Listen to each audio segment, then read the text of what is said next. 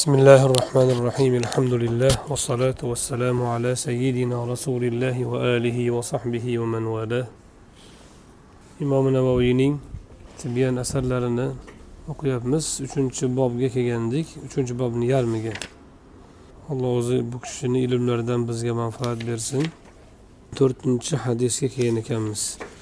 An Aisha radhiyallohu anha qalat أمرنا رسول الله صلى الله عليه وسلم أن ننزل الناس منازلهم oysha roziyallohu anhodan rivoyat qilinadi u kishi aytadilarki rasululloh sollallohu alayhi vasallam bizlarni odamlarni o'z o'rniga qo'yishga buyurdilar imom abu dovud va bazzor rivoyat qilganlar Imom hokim abu abdulloh hokim bu hadisni e, ulumul hadisda zikr qilganlar sahih hadis deb aytganlar. Bizning e, hozir o'rganayotgan bobimiz uchinchi bob qur'on ahllarini ikrom qilish ya'ni ularni hurmatlash haqida hamda ularga ozor berishdan qaytarilgani haqida. Hadisning bu asarning bobga taalluqli yeri har bir kishini odamlarni umuman o'z o'rniga qo'yishga buyurilganmiz degan gaplar ya'ni o'z o'rniga qo'yish nuqtai nazaridan bobga taalluqli bo'ladi. O'sha narsa vojibligi nuqtai nazaridan. Har kimni o'z o'rniga qo'yish degani kishilarni ijtimoiy mavqeiga qarab turib ularni hurmatlarini o'z o'rniga qo'yish otani ota o'rnida ko'rish onani ona o'rnida ko'rish ustozni ustoz o'rnida ko'rish tolibni tolib o'rnida ko'rish farzandni farzand o'rnida ko'rish kattani katta o'rnida ko'rish kichkinani kichkina o'rnida ko'rish va hokazo. Mana shu narsalar mana shu jihatlarni e'tiborga olishlik kishilarni munosabatida ularni o'z o'rniga qo'yish bo'ladi. Insonlarning ijtimoiy mavqelari turli nisbatlar bilan belgilanadi. Ilm bilan kasb bilan iymon bilan amal bilan shuningdek nasab bilan yana boshqa suratlar bilan sabablar bilan kishilarni mavqei belgilanadi. Ana shunda kishilarni o'z o'rniga qo'yish talab qilinadi. Payg'ambarimiz alayhissalotu vassalom buyurdilar deyaptilar oysha roziyallohu anhu demak rasululloh buyurgan bo'lsalar bu vojib bo'ladi. Lozim bo'ladi vojib bo'ladi. Endi odamlarni o'z o'rniga qo'yish deganda o'sha ijtimoiy mavqelari e'tiborga olinadigan bo'lsa o'sha mavqelar qaydan kelib chiqadi? Urfdan kelib chiqadi va shariat me'yorlaridan kelib chiqadi. Odamlarni o'z o'rniga qo'yish shunday muhimki kattani katta o'rniga qo'yish qanday muhim bo'lsa kichkinani kichkina o'rniga qo'yish ham shunday muhim. Shuning uchun bir hadis sharifda rasuli akram alayhissalotu vassalom kattalarimizni ulug'lamagan kichkinalarimizga shafqat qilmagan bizdan emas deganlar. Demak kattaga munosabatda ikkalasiga ham yaxshilik qilishingiz kerak. Kattaga munosabatda yaxshilik uni ulug'lash bilan bo'ladi. Kichkinaga munosabatda yaxshilik unga shafqat ko'rsatish bilan bo'ladi. Kattaga kichkinaga qilinadigan muomalani qilinsa yoki kichkinaga kattaga qilinadigan muomalani qilinsa ularni o'z o'rniga qo'ymagan bo'lasiz. Natijada bu munosabatlarda halalga olib keladi. Ranjishga xafagarchilikka olib keladi. Shuning uchun rasuli akram alayhissalotu vassalom odamlarni hammani o'z o'rniga qo'yib munosabat bildirishga buyurganlar. Demak shunday ekan hammani o'z o'rniga qo'yish kerak ekan hammani hurmatini yoinki o'zini mavqeini o'z o'rniga qo'yish kerak ekan. Qur'on ahlining ilm ahlining ham o'ziga yarasha o'rni mavqei bor. O'shani o'z joyiga qo'yish kerak. Ahli ilmlarni ahli qur'onlarni qur'oni karimda majlislarda yig'inlarda ham ulug'lashni buyurilgan mujodala surasida alloh taolo aytadiki يا أيها الذين آمنوا إذا قيل لكم تفسحوا في المجالس فافسحوا يفسح الله لكم ey iymon keltirganlar majlislarda agar sizlarga o'tirgan joylaringizda yig'inlarda joy bering desa joy bering alloh sizga keng kenglik beradi degan Mana shu oyatni davomida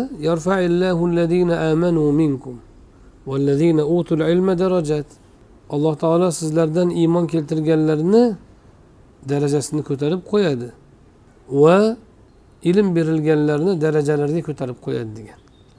E, Rasuli akram alayhissalotu vassalom badr ahlini muhojirlarni katta sahobalarni alohida ikrom qilganlar ularni boshqalardan muqaddam qo'yganlar. Ana shu odobni qur'oni karim bu oyati karimada ta'lim beradi. Demak e, ahli qur'onlarni ahli ilmlarni yig'inlarda o'z o'rniga qo'yish suhbatlarda o'z o'rniga qo'yish munosabatlarda o'z o'rniga qo'yish hatto so'z aytishda ham hurmatini o'z o'rniga qo'yish lozim bo'ladi vojib bo'ladi. Shuningdek qo'yi insonlarga oddiy insonlar bor yoki yosh bolalar bor yoshlar bor ularni ham o'ziga yarasha munosabat qilish kerak. Masalan yosh bolani to'g'riga olib chiqib qo'ysangiz kattalarni tepasiga olib chiqib qo'ysangiz unga yaxshilik qilgan bo'lmaysiz. Unga u shafqatga muhtoj. Unga mehr ko'rsatishingiz kerak tarbiya ko'rsatishingiz kerak. Ammo to'g'riga olib chiqib kattalardan yuqoriga o'tkazib qo'ysangiz birinchidan kattalarga ozor bergan bo'lasiz. Ikkinchidan bolani tabiatini buzgan bo'lasiz. O'shaning uchun har bir insonni o'z mavqeida o'z o'rnida hurmat qila olish hurmatini yoki mavqeini joyiga qo'ya olish bu hikmatdandir. Mana bu vojib bo'ladi. Shu e, hadis sharifda buyurilganga binoan qur'oni karim ahallarini ham o'z o'rniga qo'yish kerak. Qur'oni karimni ahallarini qorilarini hofizlarini o'rni qaysi degan savol tug'iladi endi. Bobdan kelib chiqib. E, bu bunga oldingi bobdagi hadis. Odamlarga allohning kitobini eng yaxshi o'qiydigani eng yaxshi qorisi imom bo'ladi dedi. Ya'ni ahli qur'on oldida bo'ladi muqaddam bo'ladi degan ma'noni hadis shariflar bizga o'rgatdi. Demak bu hadisga amal qur'on ahliga nisbatan qachon hosil bo'ladi? Qachonki ularni muqaddam qo'yganimizda qur'on ahllarini e'zozlaganimizdagina bu hadisga amal qilgan bo'lamiz. Demak bu hadis ham ahli qur'onlarni hurmatlash e'zozlashni vojib qiladi. Ana shu hadisga amal o'laroq rasuli akram alayhissalotu vassalomning ishlaridan biri keyingi hadisda misol qilinadi وعن جابر بن عبد الله رضي الله عنه أن النبي صلى الله عليه وسلم كان يجمع بين الرجلين من قتلى أحد. ثم يقول أيهما أكثر أخذا للقرآن؟ فإن أشير إلى أحد أحدهما قدمه في اللحد.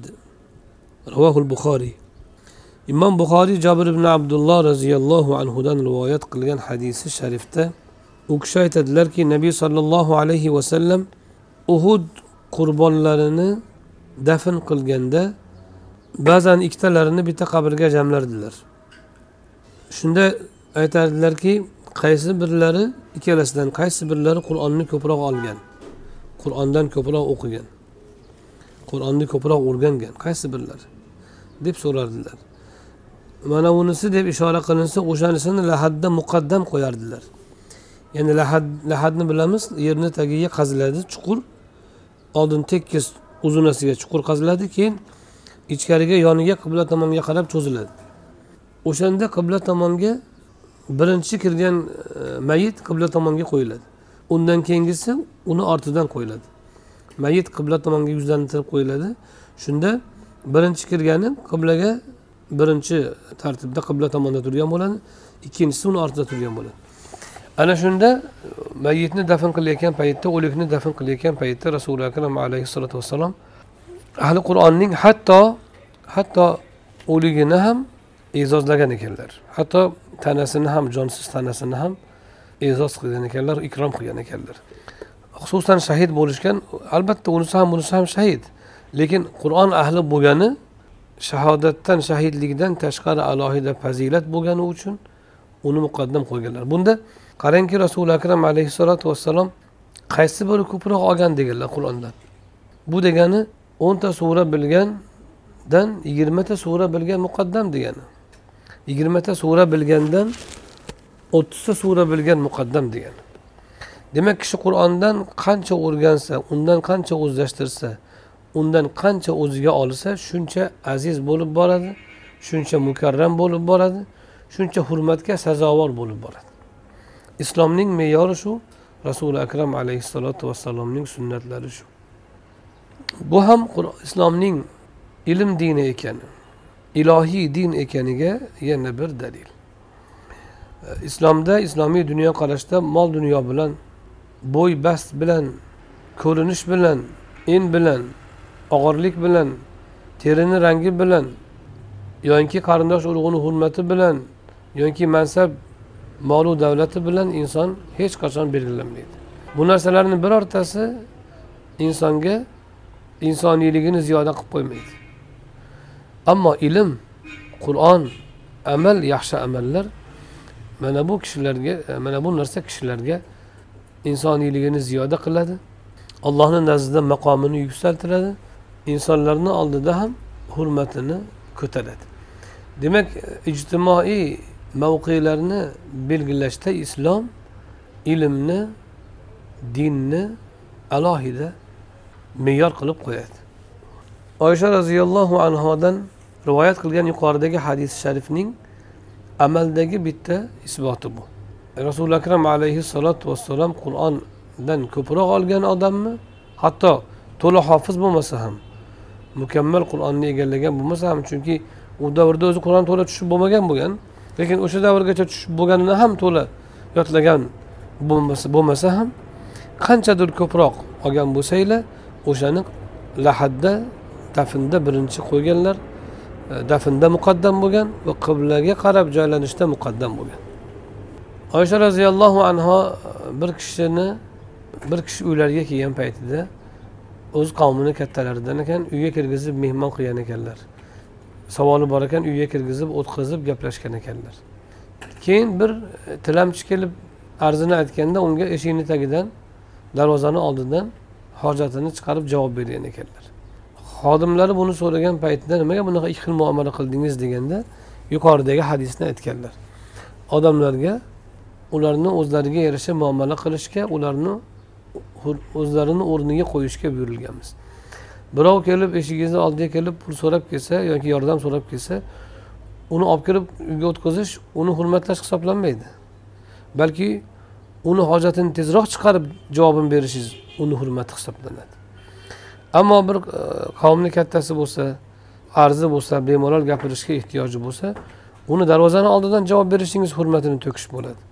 Uni uyga olib kirib o'tqizib so'zini oxirigacha eshitishingiz bu hurmatni uni mavqeini o'z o'rniga qo'ygan bo'lasiz. Oysha roziyallohu anhu mana shunday tadbiq qilgan ekanlar bu hadis sharifni. Bu bizga misol bo'ladi. Yana boshqa o'rinlarda ham buni kuzatishimiz mumkin. Zayd ibn sobit roziyallohu anhu bilan ibn abbos roziyallohu anhu o'rtalarida ham bunga o'xshagan muomalalar bo'lib o'tgan. Ibn abbos roziyallohu anhu bilan zayd ibn sobit roziyallohu anhuni o'rtalarida ham bunga o'xshagan misollar bo'lgan.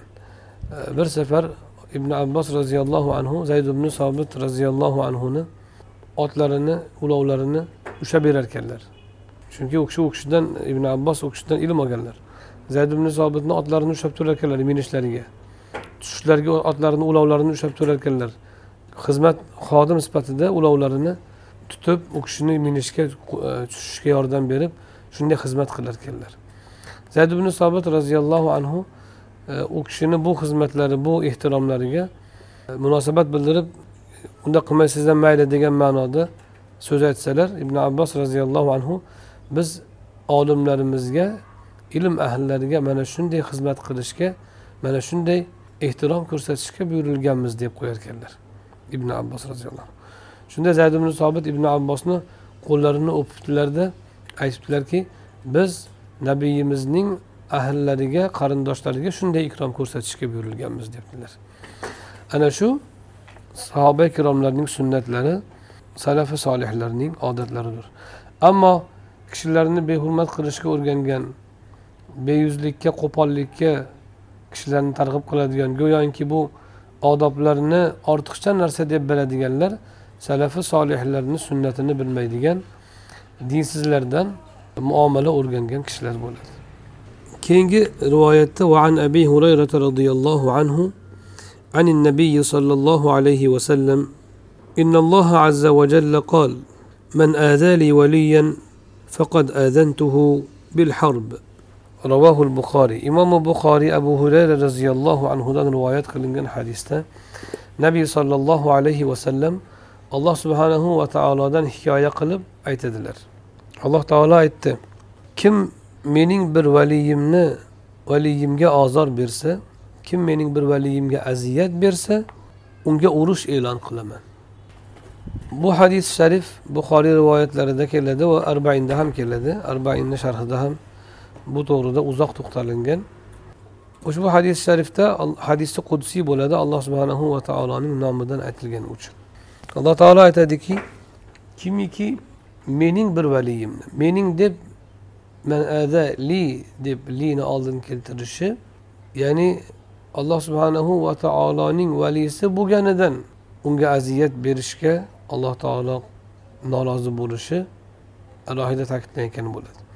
Ya'ni allohni valisi bo'lganligi ya'ni boshqani ham valisi bo'lishi mumkin inson. Inson birovni do'sti bo'ladi birovni hokimni hokimi do'sti bo'lishi mumkin olimni do'sti bo'lishi mumkin boshqani do'sti bo'lishi mumkin lekin ollohni do'sti bo'lgan paytida ana bu kishini alloh taolo o'zi himoya qilishga o'tadi vali degani do'st yordam beruvchi do'st yonma yon degani o'zi valiya yonma yonlikni bildiradi kim meni valiyimga desa demak allohni do'sti degani alloh taologa yonma yon bo'lgan odam ya'ni alloh taologa yaqin bo'lgan odam degani yonma yon deganimiz jismonan degan ma'noda emas.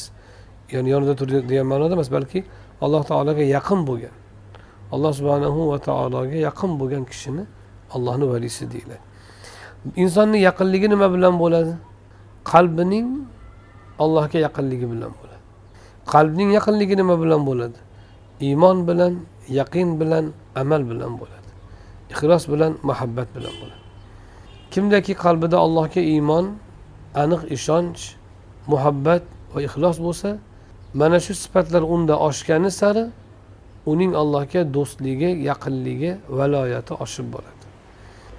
Kimiki alloh subhanahu va taoloning valisiga agar ozor bersa ozor berish nima degani? Ozor berish oldingi oyat karima bobdagi oyat karimada ham o'tgan tabiga ziyon yetkazuvchi narsani qilish. Ya'ni insonni masalan diliga ozor beruvchi so'z aytish tanasiga ozor berish yoyinki unga moliyaviy ozor berish yoyinki unga ijtimoiy tazyiq bilan ozor berish. Va hokazo hammasi ozor berishga kiradi. Kimiki allohni do'stlaridan biriga agar ozor bersa olloh unga urush ochadi. Allohning urush ochgani nima bo'ladi? Alloh subhanahu va taoloning urush ochgani o'sha bandani alloh subhanahu va taoloning g'azabiga tushgani bo'ladi. Urush ochdi degani albatta uni tepasiga tepasiga lashkar bostirib keladi degani emas. Birinchi belgisi qalbidan hidoyat topib qo'yadi. Yoki qalbiga hidoyatni og'ir qilib qo'yadi. Eng katta urush shu. Dunyoda xor qiladi. Agar dunyoda jazosini olmasa oxiratda og'ir azobga qoladi. Odatda allohni do'stlariga azob bergan kishilar tavba qilmasa agar oqibati yomon bo'ladi. Ya'ni yomon oqibatda vafot etadi doim. Sunnatda odatda shunday bo'lgan. Bu hadisni bobga taalluqli yeri shuki valiy deyish valiy allohni do'sti bo'larkan qur'onni sohibi bo'lgan odam qur'onga ahl bo'lgan odam albatta allohni do'sti bo'ladi. Chunki rasuli akram alayhissalotu vassalom aytdilarki ollohni ahllari bor. Qur'on ahllari allohning ahillaridir xoslaridir dedilar. Mashhur hadis. Binobarin allohning ahli ya'ni yaqinlari ekan qur'on ahllari demak o'shalar valiylardir allohning valiylaridir ularga ozor bergan kishi alloh subhanahu va taoloning g'azabiga qoladi alloh unga qarshi urush ochadi alloh saqlasin keyingi rivoyatda vatabata fi sahihayni anhu صلى الله عليه وسلم أنه قال من صلى الصبح فهو في ذمة الله تعالى فلا يطلبنكم الله بشيء من ذمته kimiki bomdod namozini o'qisa u ollohning zimmasida allohning himoyasidadir birortangizni olloh o'zining himoyasiga olingan zimmasiga olingan narsa orqali javobgar qilib qo'ymasin ya'ni kimiki bomdod namozini o'qisa xususan jamoatda u alloh subhanahu va taoloning zimmasida degani u mo'mindir alloh uni haq huquqini himoya qiladi degan. Mo'minlarni haqlarini olloh himoya qiladi. Allohning zimmasidadir degani olloh uning haqqini himoya qiladi. Olloh o'zini zimmasidagi narsa bilan sizlarni javobgar qilmasin degani alloh taolo bir bandani haqqini himoya qilishni zimmasiga oldimi? Uni haqqiga siz agar tajovuz qilsangiz tajovuzingiz uchun alloh sizni javobgar qiladi. Olloh o'zini zimmasidagi narsa bilan sizni javobgar qilmasin degani shu. Ya'ni tajovuz qilib qo'ymang biror mo'minni haqqigaki allohni oldida javobgar bo'lasiz alloh sizni jazolab qo'yadi. Bu yerda bu hadisni taalluqli joyi bobga ahli qur'on odam albatta bomdodni o'qiydi. Hamma namozni o'qiydi. U namozga polvon bo'ladi balki tahajjud o'qiydi. Bo'lmasa ahli qur'on bo'lmaydi u. Namozga beparvo odam qur'on ahli bo'lishi mumkin emas. Demak bomdod o'qiydigan kishilarni ya'ni mo'minlarni haqlarini rioya qilishimiz kerak shularni jumlasiga kiradi qur'on ahli ham ya'ni qur'on ahlini qur'on ahli bo'lgani uchun hurmat qilishimiz alohida mo'minligi nuqtai nazaridan hurmat qilishimiz alohida allohning do'sti bo'lgan nuqtai nazardan hurmat qilishimiz yana alohida demak bir qancha nisbatdan bir qancha jihatdan qur'on ahlini hurmat qilishimiz ikrom qilishimiz lozim bo'ladi وعن الإمامين الجليلين أبي حنيفة والشافعي radıyallahu anhuma kâle İllem yekunil ulemâ'u evliya Allah feleyse lillahi veli. İki uluğ imam, İmam Ebu Hanife ve İmam Şafii Allah onlardan razı olsun etediler ki eğer ulemalar Allah'ın velileri dostları bulmasa Allah'ın dostu yok.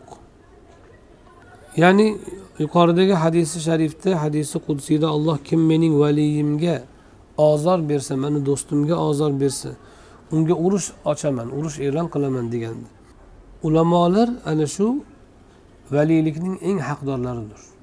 Shuning uchun ikkala imom aytyaptilarki agar valiylar kimlar desangiz ulamolar deydi.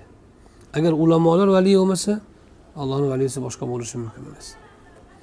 Ulamolardan boshqalar ham boshqalardan ham valiylar bo'ladi albatta ammo ulamolar albatta valiy bo'ladilar. Ulamolar deb aytdilar bular ikkita imom. bu bob qur'on ahlining ikromi hurmati haqida ekan bu gapni taalluqi qayda desangiz demak qur'on ahli ulamolardan bo'ladi qur'on ahllari ahli ilmlardan bo'ladi binobarin ular allohning do'stlari bo'ladilar valiylari bo'ladilar ularga ozor bergan kishiga olloh urush ochadi قال الإمام الحافظ أبو القاسم ابن عساكر رحمه الله رحمة الله عليه يا أخي وفقنا الله وإياك لمرضاته وجعلنا ممن يخشاه ويتقيه حق تقاته حق, تقا حق تقاته. أن لحوم العلماء مسمومة وعادة الله في هتك أستار منتقصيهم معلومة. أبو القاسم ابن أساكر hofiz aytadilarki bilgin ey birodarim alloh seni ham bizni ham seni ham o'zini roziligiga muvofiq qilsin. Va bizlarni o'zidan qo'rqadigan unga haqiqiy taqvo qiladiganlardan qilsin. Bilginki ulamolarning go'shtlari zaharlangandir.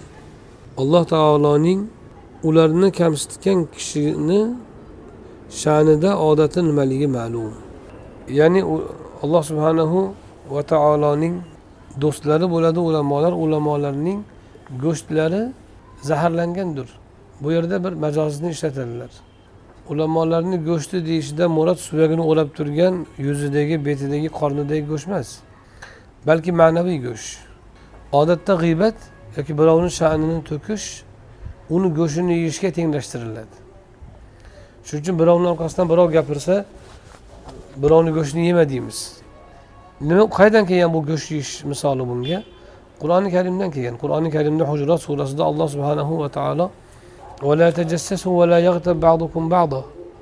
josuslik qilmang va biringiz boshqangizni g'iybat qilmasin deb turib orqasidan aytadiki أيحب أحدكم أن يأكل لحم أخيه ميتا فكرهتموه birortangiz birodarining o'z birodarining go'shtini u o'lgan holida yeyishni yaxshi ko'radimi Ya'ni do'stini o'ligini o'limtigini go'shtini yeyishni mayitni go'shtini yeyishni o'z do'stining go'shtini yeyishni birortangiz istaydimi yaxshi ko'radimi yomon ko'rasizlarku bir birodaringiz vafot etsa uni tanasini kesib yeyish qanaqangi razil jirkanch ish buni sizlar tabiatlar ko'tarmaydi to'g'rimi ha to'g'ri g'iybat qilish ham xuddi shunday ish shunaqa jirkanch ish demoqchi bo'ladi alloh subhanahu va taolo o'lik holatida deyishidan ya'ni kishini siz birodaringizni g'iybat qilsangiz yo'g'ida uni sha'nini to'kayotgan bo'lasiz. Shuning uchun o'ligini go'shtini yegandek bo'lasiz. Mana shu tamsildan kelib chiqqanki birovni birov g'iybat qilsa sha'nida yomon gapni gapirsa uni go'sht palonchini go'shtini yedi pistonchi deb aytiladi. Ana shu e'tibordan ana shunday ma'naviy go'shtlar ya'ni ularni sha'nlari himoyalangandir demoqchi. Ularning e, go'shtlari zaharlangandir degani ularning sha'nlari himoyalangandir sha'nlari o'ta ham hurmatlidir ularni sha'nlarini to'kadigan bo'lsang ya'ni go'shtni yeydigan bo'lsang ularni sha'nlariga sen halal beradigan ta'na yetkazadigan bo'lsang zaharlanasan. Zaharlanasan deyishdan murod ya'ni halok bo'lasan. Halok bo'lish bu yerda o'lib qolish emas ma'naviy halok bo'lish. Ulamolarni sha'nida yomon gaplarni gapirganlar odatda qalb o'limiga giriftor bo'ladi qalbi o'ladi shuning uchun yomon xotima topishadi alloh o'zi asrasin shuning uchun davomida aytyaptilarki وأن من أطلق لسانه في العلماء بالثلب ابتلاه الله تعالى قبل موته بموت القلب kimiki ulamolarni sha'nida tilini cho'zadigan bo'lsa ularga ta'na yetkazib til cho'zadigan bo'lsa ulamolarga. Alloh subhanahu va taolo uni o'limidan oldin qalb o'limi bilan mubtalo qiladi. Qalb o'limi degani qalbda iymon qolmasligi qalbda yaxshilik qolmasligi iymon kalimasini eslay olmay qoladigan bo'lib qolish qalbda yaxshilik qolmasligini aytiladi. Qalbni o'limi deb. Kishi agar qalbida hayot bo'lmasa u zikr qilolmaydi ollohni u iymon keltirolmaydi allohga va allohga yaqin bo'lolmaydi. kimiki agar ulamolarga ta'na yetkazsa ollohni do'stlariga ularni sha'nlariga agar tajovuz qilsa olloh uning qalbini o'ldirib qo'yadi zaharli bo'lgani shu ularni go'shti zaharliligi shu qalb olloh saqlasin o'lsa agar kishi iymonsiz ketib qoladi فليحذر الذين يخالفون عن أمره أن تصيبهم فتنة أو يصيبهم عذاب أليم آية كريمة كي نور سورة rasuli akram alayhissalotu vassalomni amrlariga xilof qilayotganlar ularga fitna yetishidan yoki ularni og'riqli azob tutishidan ularga og'riqli azob yetishidan ehtiyot bo'lsinlar hazir bo'lsinlar deydi. Bu oyati karimada rasuli akram alayhissalotu vassalomni buyruqlariga xilof qilish teskari ish qilish haqida so'z boradi. Kimiki rasululloh sollallohu alayhi vasallamga qarshi ish qilsa alloh subhanahu va taolo uni fitnaga solib qo'yadi u odam fitnaga tushib qoladi. Fitna turlicha bo'lishi mumkin. O'zini ilmiga baho berib yoki o'zini e, biror narsasiga baho berib shu bilan aldanib shu bilan malum bo'lib ketadi. Yoki fitnaga tushishi o'sha qalbidan hidoyat ketishi bo'ladi. Fitna o'ta keng ma'no. Bu yerda kishining dinida fitnalab fitnalanib qolishi nazarda tutiladi asosan. Yoki ularga og'riqli azob kelishiga tayyorlab turishsin ya'ni og'riqli azob dunyoda yoki oxiratda. Ushbu hadisi sharifda e, ushbu oyati karimada alloh subhanahu va taolo rasuli akram alayhissalotu vassalomni amrlariga xilof qilish haqida gapiryapti.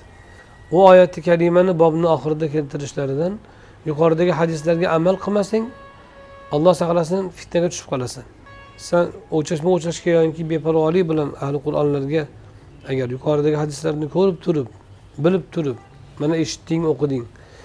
Yana agar ularga agar beodoblik qilsang ularni sha'nlarini himoya qilmasang rasuli akram alayhissalotu vassalomni so'zlariga xilof qilgan bo'lasan yuqoridagi hadislarga. Natijada fitnaga tushasan va og'riqli azobga qolasan. Alloh o'zi saqlasin. Shu bilan uchinchi bobni tugatadilar. Buguncha shu darsni shu qismi bilan kifoyalanib turamiz inshaalloh keyingi dars to'rtinchi bobga o'tamiz uzoqroq ko'proq suhbat qilamiz inshaalloh سبحان ربك رب العزة عما يصفون وسلام على المرسلين والحمد لله رب العالمين